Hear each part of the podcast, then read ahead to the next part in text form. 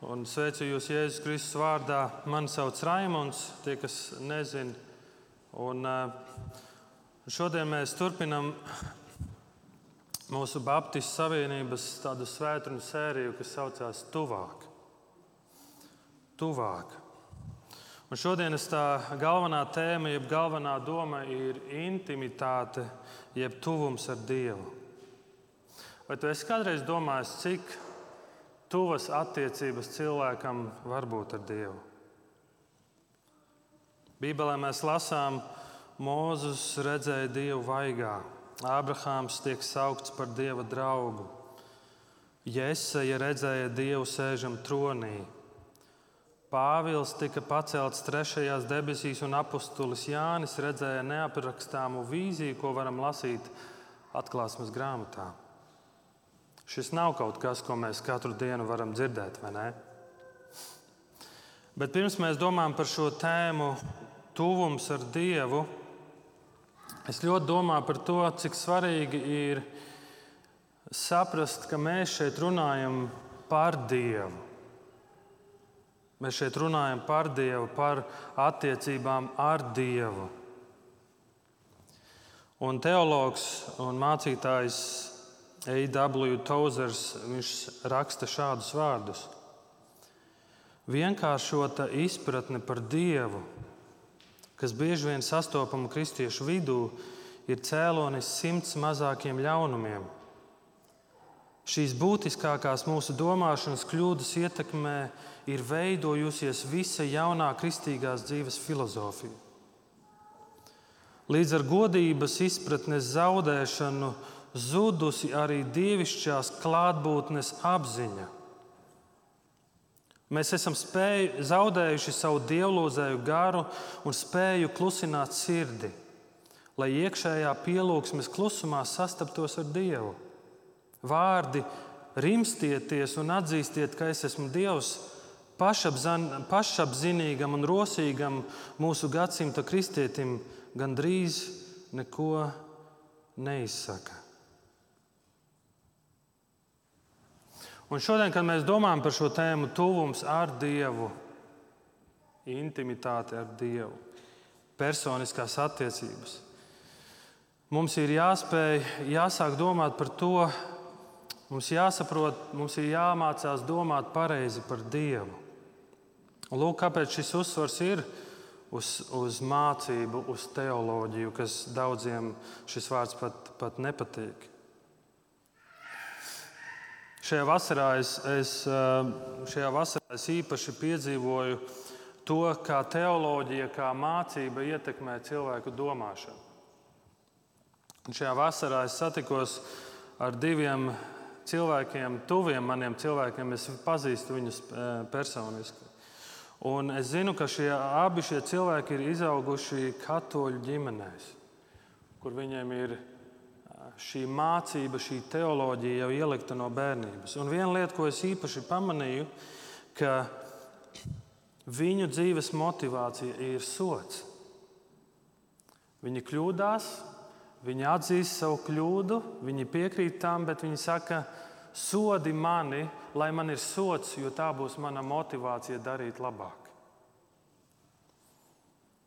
Teoloģija ietekmē mūsu domāšanu, teoloģija ietekmē mūsu mācību par Dievu. Skatījums uz Dievu ietekmē to, kā mēs dzīvojam.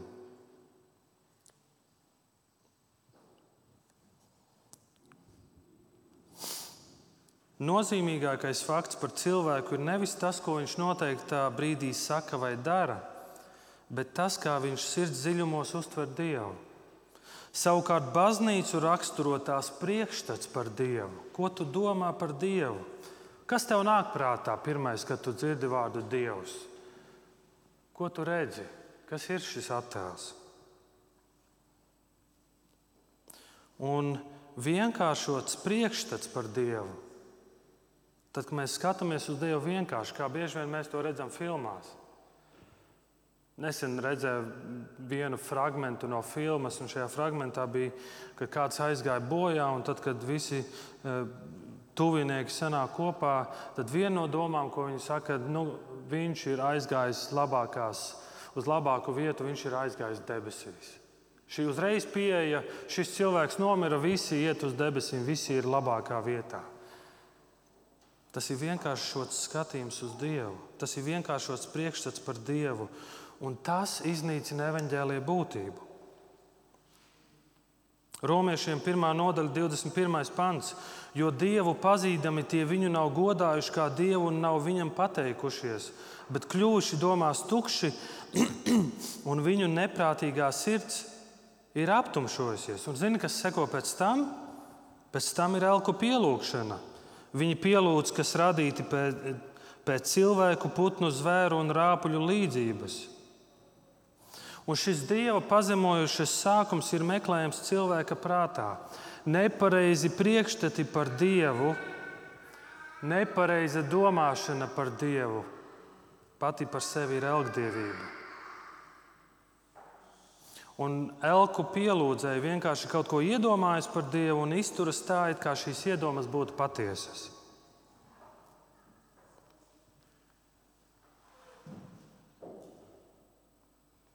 Kā cits teologs, Kūzas Nikolais, tas smieklīgs vārds, bet viņš ir teicis šādus vārdus.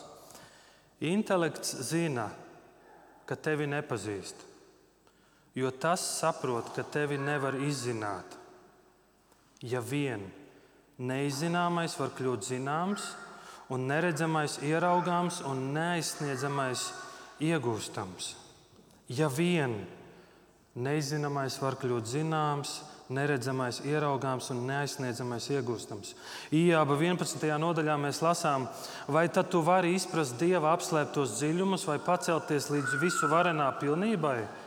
Tā ir tik augsta kā debesis, ko tu tur aizsasniegsi dziļāka nekā elle, cik tālu tur sniedzas tavas zināšanas.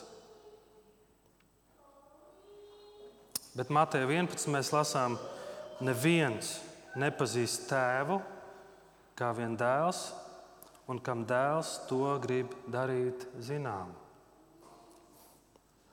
Un tāpēc, tāpēc šodien, kad es domāju par šo tēmu, tuvums ar Dievu, es, mans mērķis nav dot instrukciju un pateikt, lūk, mums jādara šis un šis un šis, lai mēs būtu tuvāki Dievam. Bet tas, ko es gribu šodien panākt, jeb tas mans mērķis, ko es centīšos panākt, ir, ka mēs mēģinām ieraudzīt, ko Bībele saka par Dievu un ko Dievs ir darījis, lai mēs varētu tuvoties Viņam, lai mēs varētu būt tuvāk ar Viņu lai mēs varētu tuvoties. Un dažādos baznīcas posmos, vēstures posmos mēs esam redzējuši, ka cilvēki dažādi ir meklējuši šo tuvumu ar Dievu. Klosteru kustības laikā šie mūki cīnījās dažādos veidos, lai viņi cīnījās ar grēku. Un tas, ko mēs aprakstos lasām par viņiem, ir Daudzi veidi pat ir nežēlīgi. Dzīvošana alās, sevis sišana, sevis pēršana, un varētu teikt, viņu garīgā pašdisciplīna ir tāds labs piemērs. Meklējums, kā būt tuvāk ar Dievu. Bet šajā veidā ir daudz bīstamības. Miesu nošķirt no gara, miesa nav nekas un tikai gars, un, un tā bīstamība ir nonākt austrumu reliģijās, kad mēs atbildes meklējam sevi nevis svētajos rakstos. Un tad ir vēl viena pieredze, ar ko sastopamies, ir šī pentakostālā pieredze, kur sākums varbūt ir bijis labs, meklējumi, ka baznīcai vajag svēto garu, bet beidzā, beigās mēs redzam, šīs pieredzes uzsvars nāk ar individuālismu. Un tas ir novedis pie tā, ka daudzi saka, kā viens autors raksta kādā grāmatā, kad viņš apgalvo, ka viņš redzējis daudzas Jēzus vīzijas un viņš ir daudz to pieredzējis. Un tad viņš saka, un tā kā Jēzus man ir parādījies vairākas reizes vīzijās, tas nozīmē, tuvība ar Dievu nozīmē katram kristietim kaut ko tādu jāpieredz. Un tad ir evanģēliskajā kustībā mēs redzam šo psiholoģisko iekļaušanu. Un no vienas puses varētu, būt, varētu teikt, tas ir ļoti noderīgi. Tomēr tie nesniedz pilnīgu atbildi un pilnīgu teoloģisko pamatojumu. Mēs redzam, ir dažādi veidi, kā cilvēki ir meklējuši tuvību ar Dievu. Bet ko Bībele saka? Ja tu Bībelē meklētu vārdus personiskās attiecības ar Dievu, intimitāte ar Dievu, tad tu neko neatrastu un tavs secinājums būtu, tuvas attiecības ar Dievu nav iespējamas. Bet Bībelē ir tuvība ar Dievu aprakstīta. Ir aprakstītas attiecības, kas kļūst, pieaug, kļūst dziļākas.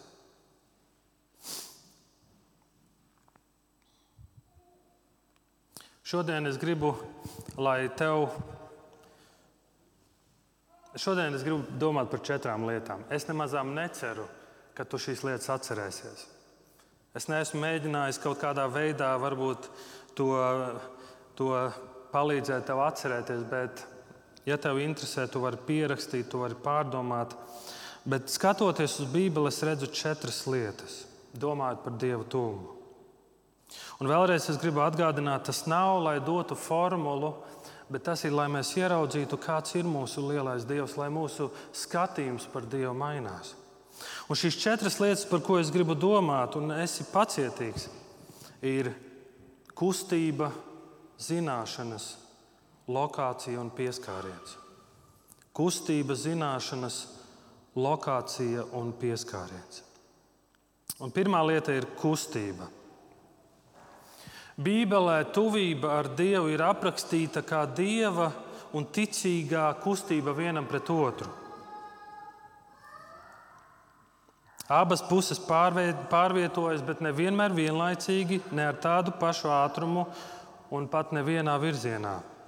Un Bībelē mēs redzam, ka Dievs ir šīs kustības iesācējs. Un viena no redzamākajām kustībām Bībelē ir meklēšana. Bībele mums rāda, kā Dievs meklē. Ecihiela 34. nodaļā mēs lasām, jo tā saka Kungs Dievs: Es pats meklēšu un vedīšu atpakaļ savas avis. Kā gans uzmana savu ganāmpulku, kad viņš ir pie tā, tā es rūpēšos par savām avīm un aizvedīšu no visām vietām, kur tās noklīdušas tumšajās mākoņainajās dienās. Lūk, kad Dievs apsola Izraēlu tautu atjaunot, viņš saka, viņš meklēs un viņš vedīs atpakaļ. 16. pants viņš saka, pazudušās es uzmeklēšu, aizklīdušās es atvedīšu, atpakaļ savainotās es pārsiešu. Dievs meklē, ir kustība.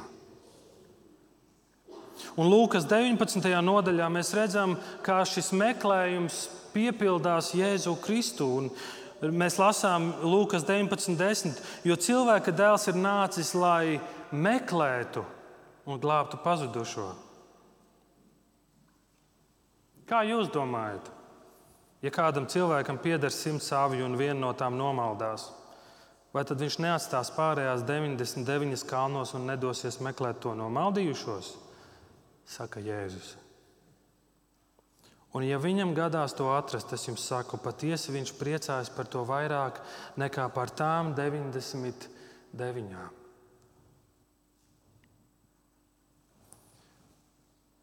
Tuvība ar Dievu sākas kustībā, un viena no tām ir meklēšana.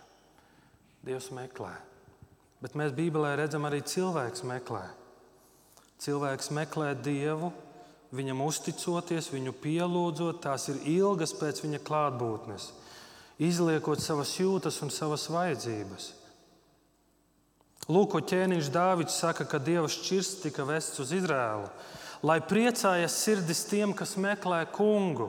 Alkstiet kungu un viņa spēku, viņa klātieni vienmēr meklējiet. Un Dievs dod solījumu savai tautai. 5. mūzes 4. nodaļā.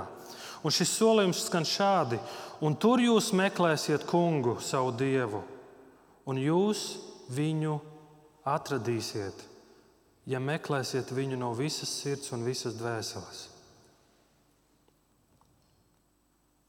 Šī sirds, kas meklē, šī sirds, kas meklē, ir zelta standarts Izraēlas karaļu valdniekiem. Psalmists jautā jautājumu, Kungs no debesīm raugās uz cilvēku dēliem, vai ir kāds prātīgs, kas meklētu Dievu? Vai ir kāds, kurš meklē Dievu? Mēs teiktu, jā, mēs meklējam Dievu, bet bieži vien paskatoties uz mūsu motivāciju, mēs meklējam ar nepareizu motivāciju. Mēs meklējam, lai būtu apmierināts manas fiziskās vajadzības. Es meklēju, lai apmierinātu savu zinkārību, lai, lai būtu tas un tas.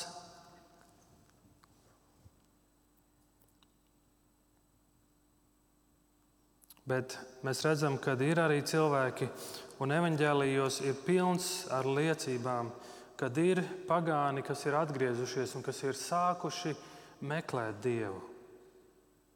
Un šī meklēšana ir liecība par viņu ticību.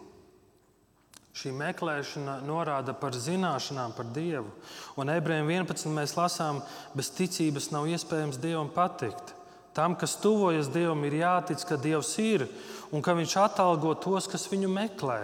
Viņš atalgo tos, kas viņu, viņus meklē. Dieva tūmam, lai būtu tūmā ar Dievu, jābūt kustībai. Un šie, šo kustību sāk Dievs, un Viņš meklē. Vēl viena no kustības daļām, ko mēs redzam Bībelē, ir pagriešanās. 25. psalms, psalmis lūdz, pievērsies man un žēlo mani, jo esmu vientuļš un nabaks. 69. psalms atbildi man, kungs, jo laba ir tava žēlastība. Savā lielajā žēlsirdībā pievērsies man. Dievs pagriezies pret mani, Dievs pievērsies man, Dievs uzklausa mani. Un lūk, kā Dievs svētī savas tautas paklausību. Es pats jums pievērsīšos un darīšu jūs auglīgus. Vairošu, vairošu jūs un slēgšu ar jums savu derību. Un kādu derību noslēdz Dievs ar savu tautu? Un šī derība, Jeremijas 32, mēs lasām, es slēgšu ar viņiem mūža derību, ka es nenovērsīšos no viņiem un darīšu tiem labu. Es nenovērsīšos. Es pievērsīšos, es nenovērsīšos. Un tas ir tas, ko Dievs sagaida no saviem ļaudīm, ka viņi pagriežas, ka viņi pievēršas viņam. Ko nozīmē pievērsties? Nozīmē atzīt, kāds ir Dievs.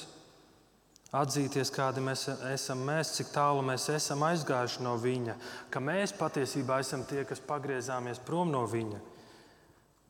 Un pagriezties uz Dievu nozīmē viņam sekot. Lielākā nelaime Izraēla tautas vēsturē ir bijusi tā, ka viņi novērš savu vaigu no dieva. Kāpēc? Tie pagriežas uz elkiem, tie pagriežas uz citiem dieviem. Salamans, viens no veiksmes stāstiem Bībelē, kā brālis Māris teica, viens no varoņiem, bet viņa sirdi pagriež šīs daudzas sievas uz, uz elkiem. Un šis pagrieziens ir tāda kā sērga Izraēla tautai, viņu tautas vēsturē, ka viņi nepārtraukti pagriežas pie citiem dieviem. Un tas notiek tik ilgi, līdz brīdim, kad Dievs iejaucas un pagriež viņu sirdī atpakaļ. Vecajā darbā ir ķēniņš Josija, kurš bija jauns gados, bet viņš atrod rakstus, noslauka putekļus, izlasa, kas tur rakstīts, un viņš ir satriekts par to, ko viņš tur izlasa. Viņš saprot, kāda ir Dieva griba, ko Dievs sagaida un kādā stāvoklī mēs atrodamies. Un, un tāpēc viņš, vērš, viņš izdara šo pagriezienu, un arī notiek tau, pagrieziens tautas dzīvē. Un viņi atgriežas pie Dieva. Šodien tas ir svētā gara spēks caur evaņģēliju, kas cilvēkiem liek pagriezties pie Dieva no saviem grēkiem. Notiek šis pagrieziens par 180 grādiem. Kustība, kas ir nepieciešama tuvi, tuvumam ar Dievu, šajās attiecībās ar Dievu, ir meklēšana un pagriešanās.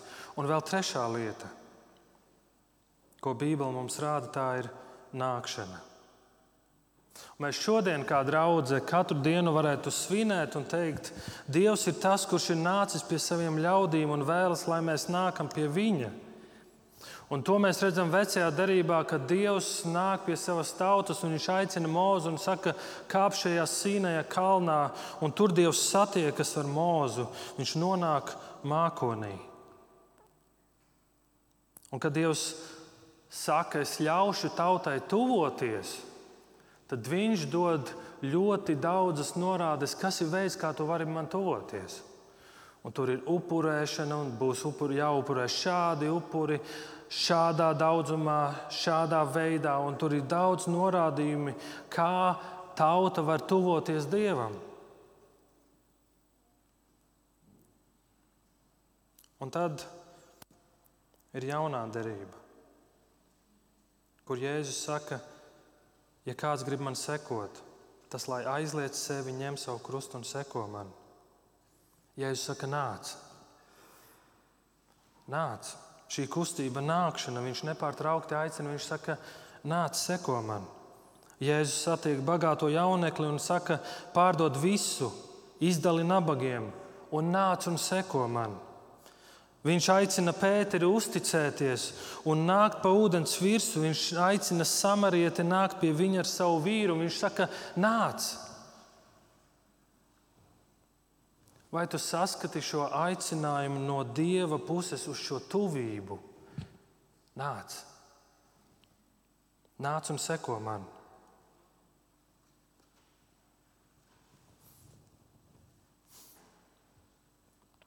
Atklāsmes 3.20 mēs lasām, Jēzus saka šādus vārdus: Redzes stāvu durvju priekšā pie durvīm un klauvēju. Ja kāds sadzirdēs manu balsi un durvis atvērs, es ieiešu pie viņa un turēšu mīlestību ar viņu un viņš ar mani.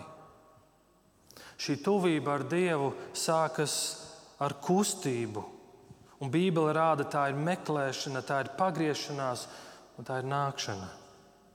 Jēzus 55, 1 pants. Ak, visi, kam slāpst, nāciet pie ūdens, kam nav sudraba, nāciet, pērciet un ēdiet, nāciet un pērciet. Sudraba nevajag, par velti ņemiet vīnu un pienu. Lūk, kāds ir mūsu Dievs. Dievs ir Dievs, kurš meklē mūs. Dievs ir Dievs, kurš pagriež savu vaigu pret mums, un Dievs ir Dievs, kurš nāk pie mums. Kāpēc viņš to dara? Jo viņš grib tuvas attiecības ar mums. Otrā lieta, par ko es gribu domāt, ir zināšanas. Lai mums būtu tos attiecības ar Dievu, tev ir kaut kas jāzina par viņu. Tev ir jāpazīst. Bet es gribu pagriezt to mazliet no otras puses. Vai Dievs pazīst mūs? Dievs mūs pazīst, jo, jo mēs Bībelē lasām, Dievs ir visas pasaules radītājs, Viņš ir mūsu radītājs.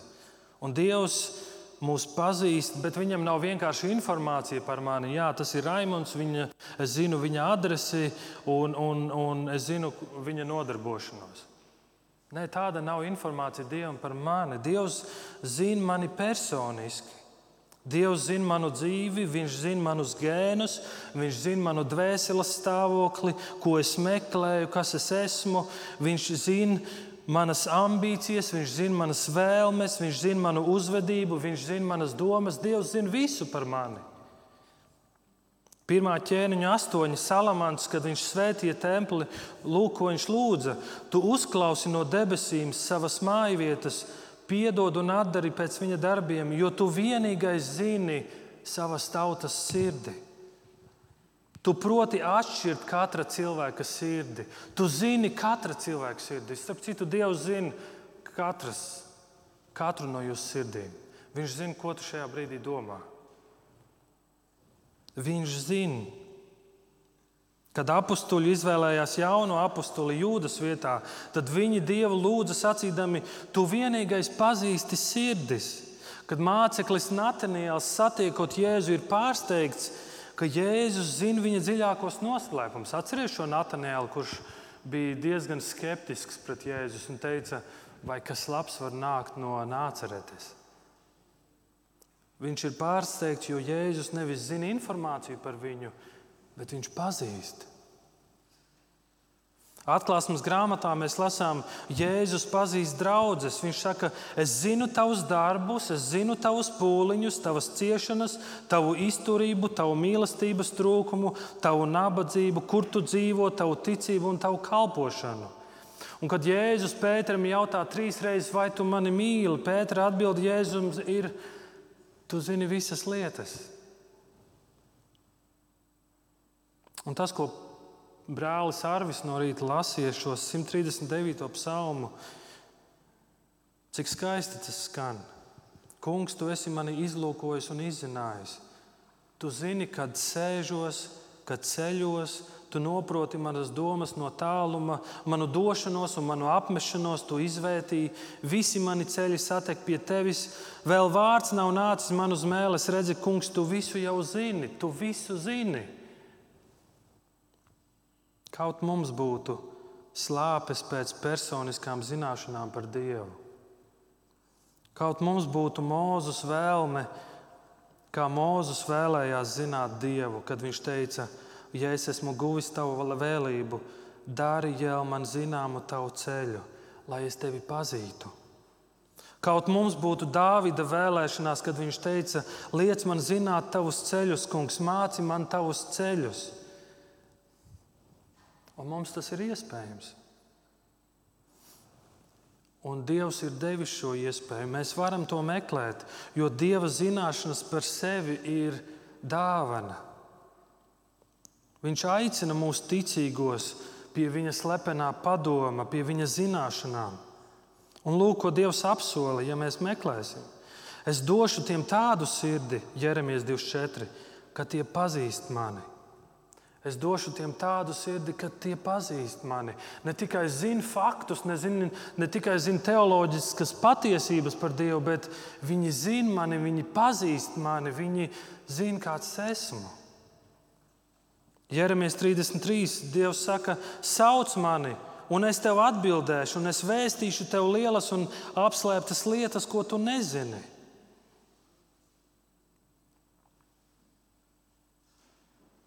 Un Jāņa 10. nodaļā ir skaists pants.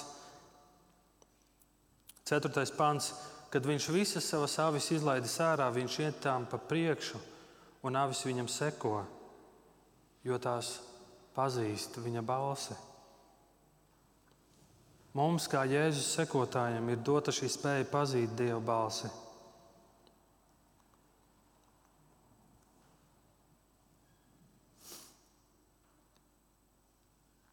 Pazīt. J.R. Pecker, mācītājs un teologs, saka šādus vārdus: Pazīt Dievu tā ir personiska iesaiste, ne tikai teoloģijas zināšanas un fakti. Pazīt. Šis grieķu vārds pazīt jaunajā derībā nozīmē pazīt no pieredzes, pazīt no kaut kā, ko tu esi piedzīvojis. Es varu diezgan vienkārši uzzināt faktus par brīvības pieminekli. Es varētu iegūglēt vai aiziet uz arhīvu un, un atrast šos faktus, kas ir būvējuši šo brīvības pieminekli, cik ilgā laikā, cik naudas bija nepieciešams un tā tālāk. Un tā tālāk. Bet, ja man būtu iespēja apsēsties blakus arhitektam vai būvniekam un parunāt ar viņu, lai viņš man pastāsta, nu, kā tas bija, es uzzinātu ne tikai faktus, es dzirdētu pieredzes stāstus. Jo tur būtu dzīvība. Trešā lieta. Tātad, tad, kad mēs domājam par tuvību, tuvumu ar Dievu, tad es gribu, lai mēs saprotam, ka tur ir kustība, ko Dievs ir veicis, ko Dievs ir darījis un uz ko Viņš aicina mūs. Un tad ir zināšanas, lai mēs būtu tuvi ar Dievu, mums viņš jāpazīst. Bet cik daudz vairāk Dievs pazīst mūs? Un nākamreiz, kad mēs nākam pie viņa lūgšanā, es gribu, lai tu saproti, ka Dievs tevi pazīst līdz sirds dziļumiem. Nav nekas tāds, viņš, kas būtu apslēpts no viņa. Un trešā lieta ir lokācija. Lokācija. Kas tavā dzīvē ir tā īpašā vieta, jeb lokācija? Vai jūs varat uzminēt, kas manā dzīvē ir īpaša lokācija? Nu, labi, es ne, nelikšu atbildēt skaļi, bet tā ir maza pilsēta, ko sauc viesi par viesīti. Viesīte ir šī pilsēta, kurai ir īpaša vieta manā sirdī. Kāpēc? Tāpēc, ka es tur esmu uzaugusi jau no bērnības. Tur es pirmo reizi dzirdēju vēsti par Kristu, tur es sastapu Kristu, un viesīte ir tā vieta, kur es bildināju savu sievu. Tāpēc šī vieta man ir tik īpaša, tik svarīga. Personiskas attiecības ar Dievu nespēja pastāvēt un augt bez Dieva klātbūtnes. 5. mūzes 4. mūzes saka šādus vārdus: Jo kura gan būtu tā lielā tauta, kurai Dievs tik tuvu kā Kungs, mūsu Dievs, vienmēr, kad mēs viņu piesaucam? Kura ir tāda tauta, kurai Dievs ir tik tuvu? Un psalmis 34. psalmā saka, Kungs ir tuvu tiem, kam satriekta sirds, kam sagrausts gars, tos viņš pestīja. Un vecā derība mums rāda, ka lokācijai ir bijusi īpaša nozīme. Kad notiek kāds piedzīvojums, kāds notikums, mēs redzam, arī Bībeles varoņi uzbūvē, tempi, uzbūvē altāri no akmeņiem, nosšķelt šo altāri noteiktā vārdā, jo šeit ir noticis īpašs notikums. Bet vēl vecajā derībā mēs redzam, ka Dievs ir devis norādes uzbūvēt sajiešanas telti kurā novietot dieva šķirstu, kurā novietot šos, šīs plāksnes ar baušļiem. Lokācijai ir, ir, ir noteikta un svarīga loma. Un atcerieties, kad, kad Dievs ķēniņam Dāvidam teica, jeb ķēniņš Dāvids gribēja Dievam uzbūvēt templi, un Dievs teica, tavs pēcnācējs to uzbūvēs. Un Salamans, šis bagātākais cilvēks uz pasaules, uzbūvēja dievam templi, vārenu templi. Es gribu, lai tu mazliet iedomājies. Iedomājies, mums būtu iespēja būt klāt šī tempļa atklāšanas svētkos. Tu noteikti būtu pārsteigts. Šis vispār šis tempļa projekts bija tik liels projekts, un šis templis tika būvēts aptuveni septiņus gadus. Un šajā projektā tika iekļauti ļoti daudz, daudzi tūkstoši cilvēku. 70 tūkstoši nastu nesēji, 80 tūkstoši strādāja kalnos, 3600 darba pāraugi. Tik liels bija šis projekts. Un atklāšanas dienā bija skaidri redzams, ka nekas netika taupīts šim templim un atklāšanas svētkiem. Templī tika ievests šķirsts, dieva šķirsts, tajā atradās plāksnes ar baušļiem. Un vecajā derībā rakstīts, ka Dievs satiekas ar savu tautu tur, kur bija viņa šķirsts. Un iedomājieties, viss ir sagatavots, mēs arī stāvam tur. Es nezinu, cik tālu, cik, cik tuvu mēs stāvam, un mēs redzam šo templi, grandi, grandiozo templi. Viss sagatavots, un nu ir pienācis laiks mūziķiem spēlēt arfas, stabules, kokles. Tauta dziedāja un slavēja Dievu, un otrajā laiku grāmatā, piektajā nodaļā, mēs lasām, un tiem tā saskanēja, it kā tie pūstu vienu tauri un dziedātu vienā balsī. Iespējams, tur bija daudz mēģinājumu, lai tā skanētu. Viņi slavēja kungu un pateicās viņam, kad sāka skanēt taures, bungu, šķīvji un mūzikas instrumenti, lai slavētu kungu. Viņš ir labs, viņa žēlastība ir mūžīga. Kunga nams, un mēs esam tur un mēs to redzam. Kunga nams piepildījās ar mākoni, un mākoņa dēļ priesteri nevarēja nostāties kalpošanai, jo kunga godība piepildīja dieva namu lokācijai ir svarīga nozīme. Un, un šīs lokācijas, šī tempļa atklāšanas svētki bija grandiozi svētki. Dieva mākslinieks, Dieva godība nonāk. Un priesteri nespēja kalpot godības dēļ. Viņi nespēja nostāvēt. Cik īpaša diena, cik īpašs piedzīvojums. Bet pēc šīs būvniecības Salamans sev uzdod jautājumu. Pirmā ķēniņa astoņi. Vai tiešām Dievs mājo uz zemes? Redzi, debesis un debesu debesis neietver tevi. Kur nu vēl šis nams, kuru es esmu uzcēlis? Vai tiešām Dievs mājo uz zemes? Salamans, kuram bija Dievs deva tādu gudrību, uzdod labu jautājumu, vai tiešām Dievs mājo uz zemes, vai tiešām Dievs mājo šajā templī. Jā, viņš ir krāšņs, bet salīdzinājumā viņš, viņš ir maziņš. Vai tiešām Dievs spēj tur, mēs spējam iekļaut Dievu tur? Un mums ir ar, ar mums ir līdzīgi. Mēs ceļam, ceļam šīs svētās vietas Mēs cenšamies tās padarīt cik vien svētas iespējams. Un domājam, ka šajās sienās vai citās sienās, lūk, šeit mājo Dievs. Bet tas, ko Bībele mums atklāja, ka Dieva plāns vienmēr ir bijusi persona, nevis vieta. Dieva plāns vienmēr ir bijis persona, nevis vieta.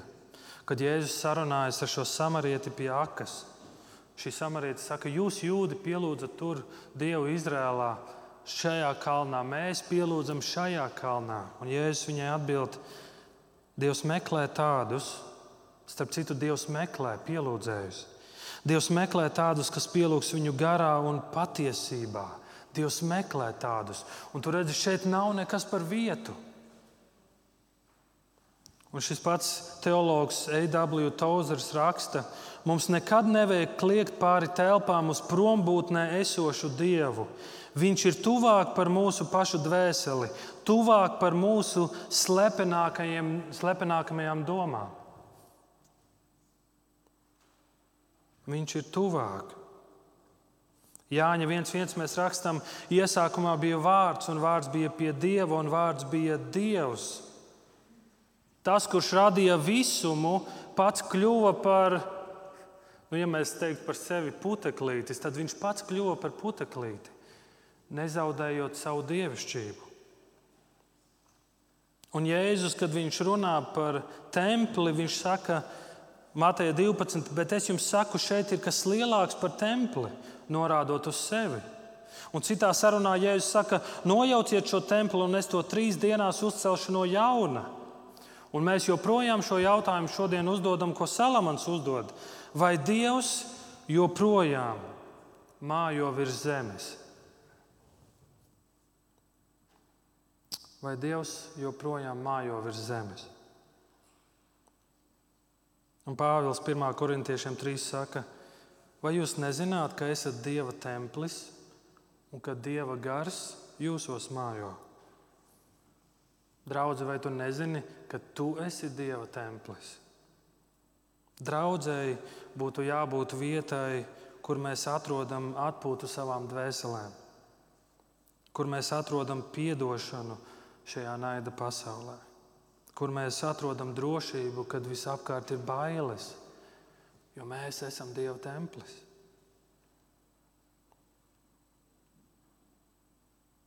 Un ceturtā lieta pieskāriens. Un tā ir viena no lietām, ko es redzu Bībelē. Kad, tas ir interesanti domāt, kā Dievs apraksta Dieva, ko Bībele raksta par, par, par Dievu. Un Bībele runā par Dieva rokām. Par Dieva rokām, rokas. Interesanti. Un tas, ko Bībele raksta, ka Dieva rokas ir stipras un varenas Tās atbrīvo viņa tautu un iznīcina ienaidniekus. Psalmis 145. psalmā raksta: Balsta kungs ikvienu, kas krīt, un pieceļ katru, kas saļimst. Es esmu vienmēr ar tevi, 73. psalms. Tu ņem mani aiz labās rokas. Tu ņem mani aiz labās rokas. Un Mūzis pirms savas nāves saka svētības vārdus tautai, un šie skan šādi: Mūžīgais Dievs ir patvērums, un pāri ir mūžīgas rokas. Un pāri ir mūžīgas rokas.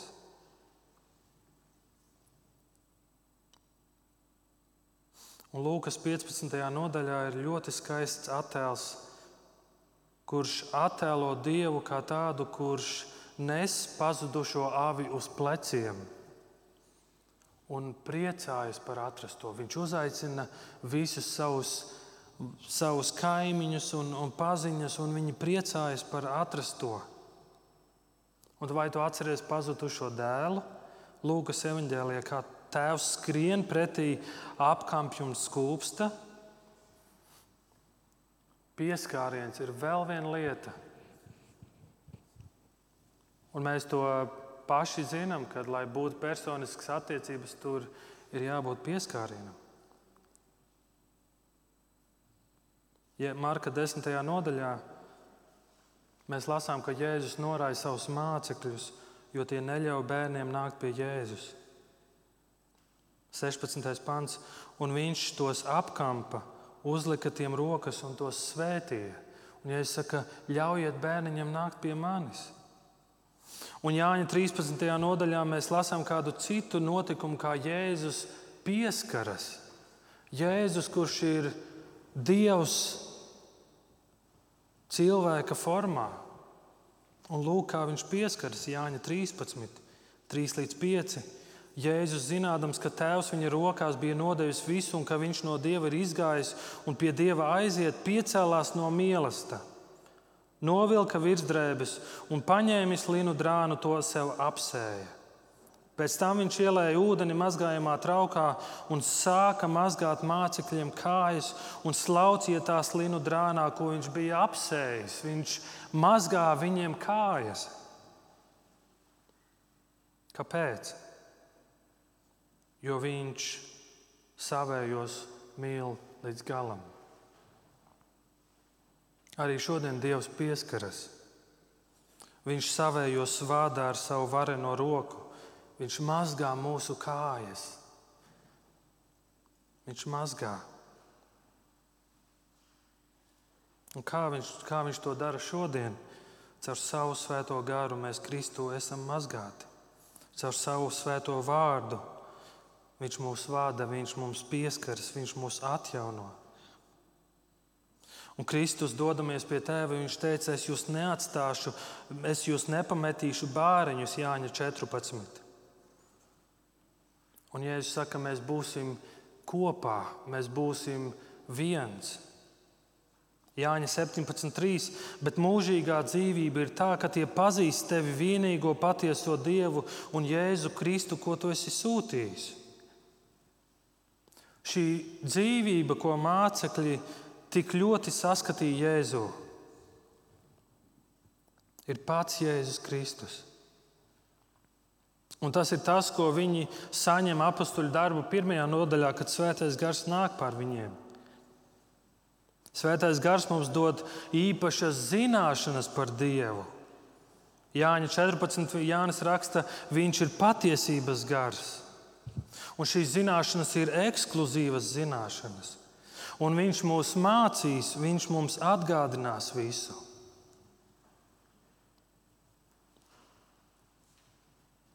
Četras lietas ir tās, ko es saskatu Bībelē, kad mēs domājam par tuvību ar Dievu.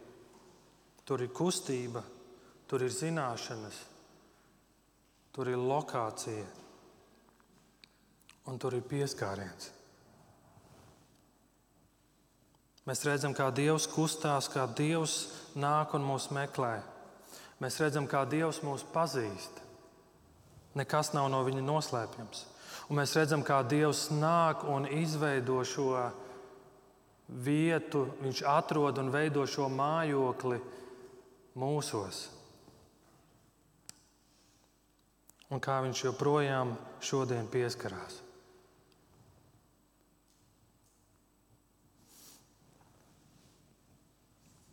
Jāņa 5. nodaļa, 39. pants.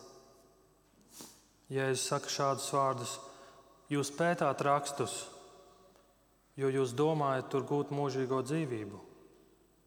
Un tie ir, kas liecina par mani.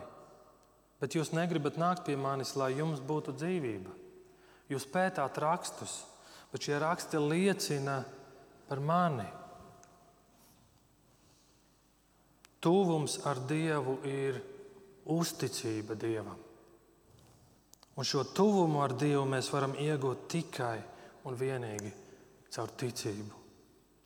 Kad mēs ticam, ticam to, tam, ko Viņš ir paveicis, ticam Viņa dēlam, Jēzum Kristum, tikai tad mums ir šī tuvība iespējama.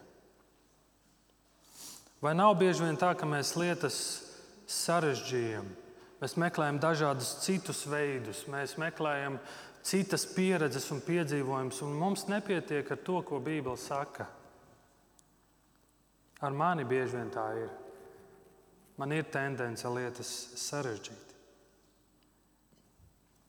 Ir kāda filma, kuras nosaukums laikam būs pareizi. Es nezinu, vai pareizi tulkot, bet filmas nosaukums ir Atstumtais jeb pamestais. Angliski saucās Castaway. Un galvenais lomās ir Toms Hanks. Varbūt jūs atceraties, filmē par kurjeru, kurš ir, uh, kuram ir uzdevums nogādāt uh, pastu. Šoreiz viņš to nogādā ar lidmašīnu, un, un lidmašīna cieši avārijā, un šis kurjeris nokļūst uz vientuļas salas. Ļoti interesants filmas, starp citu. Praktiski tur nerunā ļoti maz runā. No vienas puses smieklīga, bet šīs kurjeris tur pavada piecus gadus. Un kad viņš laimīgā kārtā nokļūst atpakaļ uz normālā civilizācijā, tad vienu paciņu viņam izdodas saglabāt. Vienu paciņu viņam izdodas saglabāt. Un viņš to nogādā uz šo adresātu, viņš aiziet pie durvīm, un viņš šai dāmai viņš eh, nodod viņai šo pacēju, un viņš mēģina paskaidrot, kāpēc šis sūtījums ir aizkavējies piecus gadus. Un viņš pastāsta par šo avāriju, viņš, eh, kur viņš bija un tā tālāk. Un, un uz ko dāma viņam atbildēja: Liels paldies! Bet šo vīru interesēja viena lieta, kas bija tajā kastītē, kas bija šajā paciņā. Un viņš pajautāja, viņš saka, nu tā interesi pēc, pasakiet, lūdzu, kas tajā kastītē ir? Un viņa atvēra šo kastīti un saka, nu vispār nekas tāds svarīgs. Satelīta telefons, GPS, kas nosaka atrašanās vietas, kompas, ūdens filtrs un dažas sēklas. Mums ir dots resurss, lai mēs pieaugtu, lai mēs iepazītu Dievu daudz personiskāk. Bet bieži vien mēs to tā sarežģījam. Jēzus 11, Mateja 11 saka, nāciet pie manis visi, kas esat nopūlējušies un zem smagas nastas, un es jūs atvieglināšu. Nāciet! Kāda tā ir liela nasta censties sevi padarīt par labu un pieņemamu citiem un dievam. Kāda tā ir nasta nest vainu uz sevi, neredzot izēju un atvieglojumu. Kāda tā ir nasta, un Jēzus saka, nāciet pie manis visi. Uzticies tiem vārdiem, ko Dievs saka par sevi, ko Dievs saka par mani. Uzticies to, tam, kāds Dievs atklājas Bībelē. Uzticies tam, paļaujies. Un tas būs sākums, sākums personīgām attiecībām ar Dievu. Lūksim Dievu.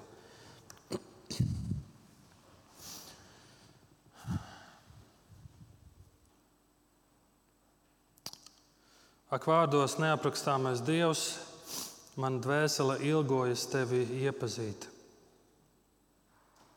Kad mēs gribam zināt tavu vārdu, tas paliek apslēpts.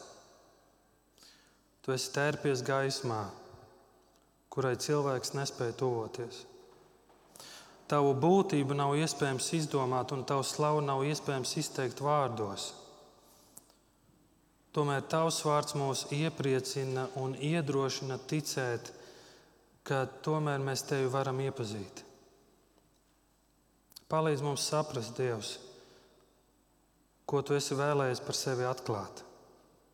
Un palīdz, ka mēs to meklējam kā lielu dārgumu, kas ir svērtīgāks par rubīniem un zeltu. Jo ar tevi mēs būsim tad, kad debesis un zeme pazudīs. Tev lai vienam ir gods, slavu un pateicība. Āmen!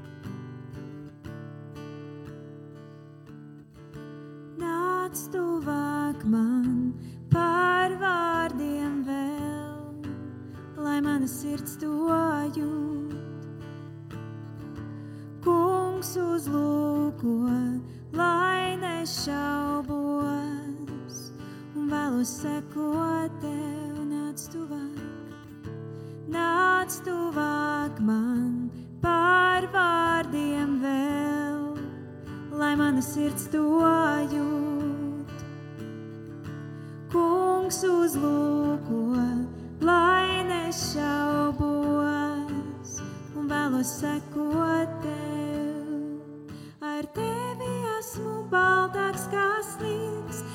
Sārtāks, sārtāks, kā purpurs par rādu tad kļūst. Bez tevis būtu akls mans dievs, tad rādi man ceļu, ceļu pie tevis kungs. Šodien, šodien, šodien es vēlu sekot tev. Šodien. Šodien, šodien es vēlos sekot tev. Prieka asaras reizēm pāri plūst un miera svaidījums. Kā tas var būt? Esmu aizsākt.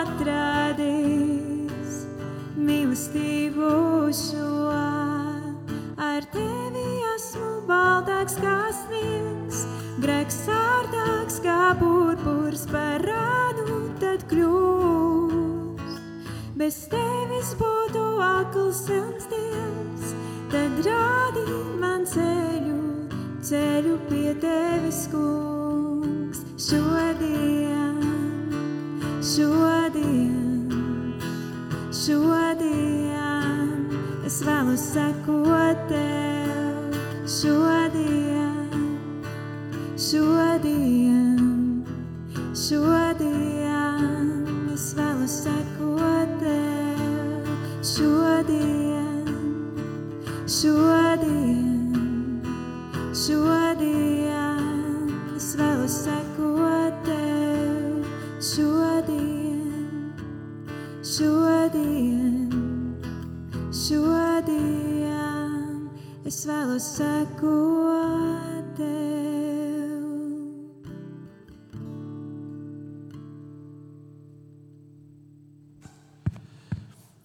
un eh, noslēgsim šo dievkalpojumu eh, ar lūgšanu. Debes Tēvs, vislielākais tuvums, ko mēs varam gūt, ir Jēzus Kristus. Ja mēs iepazīstam Tavu dēlu, Jēzu Kristu, mēs iepazīstam Tevi. Un, uh, Un tā kā mēs dziedājām, palīdz, ka šodien mēs pieņemam tos lēmumus, kas mums ir jāpieņem, tās apņemšanās. Un paldies, ka šodien tu nāc tuvāk mums. Ticība sākas ar dzirdēto vārdu un palīdz, ka dzirdētais vārds dziļi iesakņojas mūsos. Un ka tas ved mūs tuvāk tev, ka tas palīdz mums tev uzticēties savā dzīvē, savos lēmumos, ikdienā, un ka no šīs uzticības veidojas šis piedzīvojums ar, ar tevi, kurā mēs kļūstam tuvāki. Tu esi tik tuvu mums, ka Jēzu Kristu mēs tevi varam saukt par mūsu tēvu. Paldies, Tev, mīļais Tēvs, par to, par to cik tuvu Tu esi pie mums. Un, uh, es ļoti gribu lūgt par mūsu draugu, par Vīlāns draugu. Es ļoti gribu lūgt par tiem, kas ir ciešanās un slimībās. Es ļoti lūdzu, ka Tu uzlūko, es lūdzu, ka Tu svētī, atjauno un stiprini Jēzu. Sargā mūsu draugus, sargā mūs uh, savā patiesībā, palīdz mums kalpot viens otram, pacelt un iedrošināt viens otru un kalpot arī apkārtējiem cilvēkiem. Palīdz mums būt drosmīgiem, iet tavā spēkā, ar tavu vārdu un būt tiem, kādus tu esi mūs radījis, būt gaismu šai pasaulē. Svēti mūs, Lūdzu, Jēzu Kristu. Un mēs pateicamies par to Jēzu tavā vārdā. Amen. Lai Dievs svētī jūs, sveiciniet viens otru un uh, iedrošiniet viens otru. Un, uh, Āmen!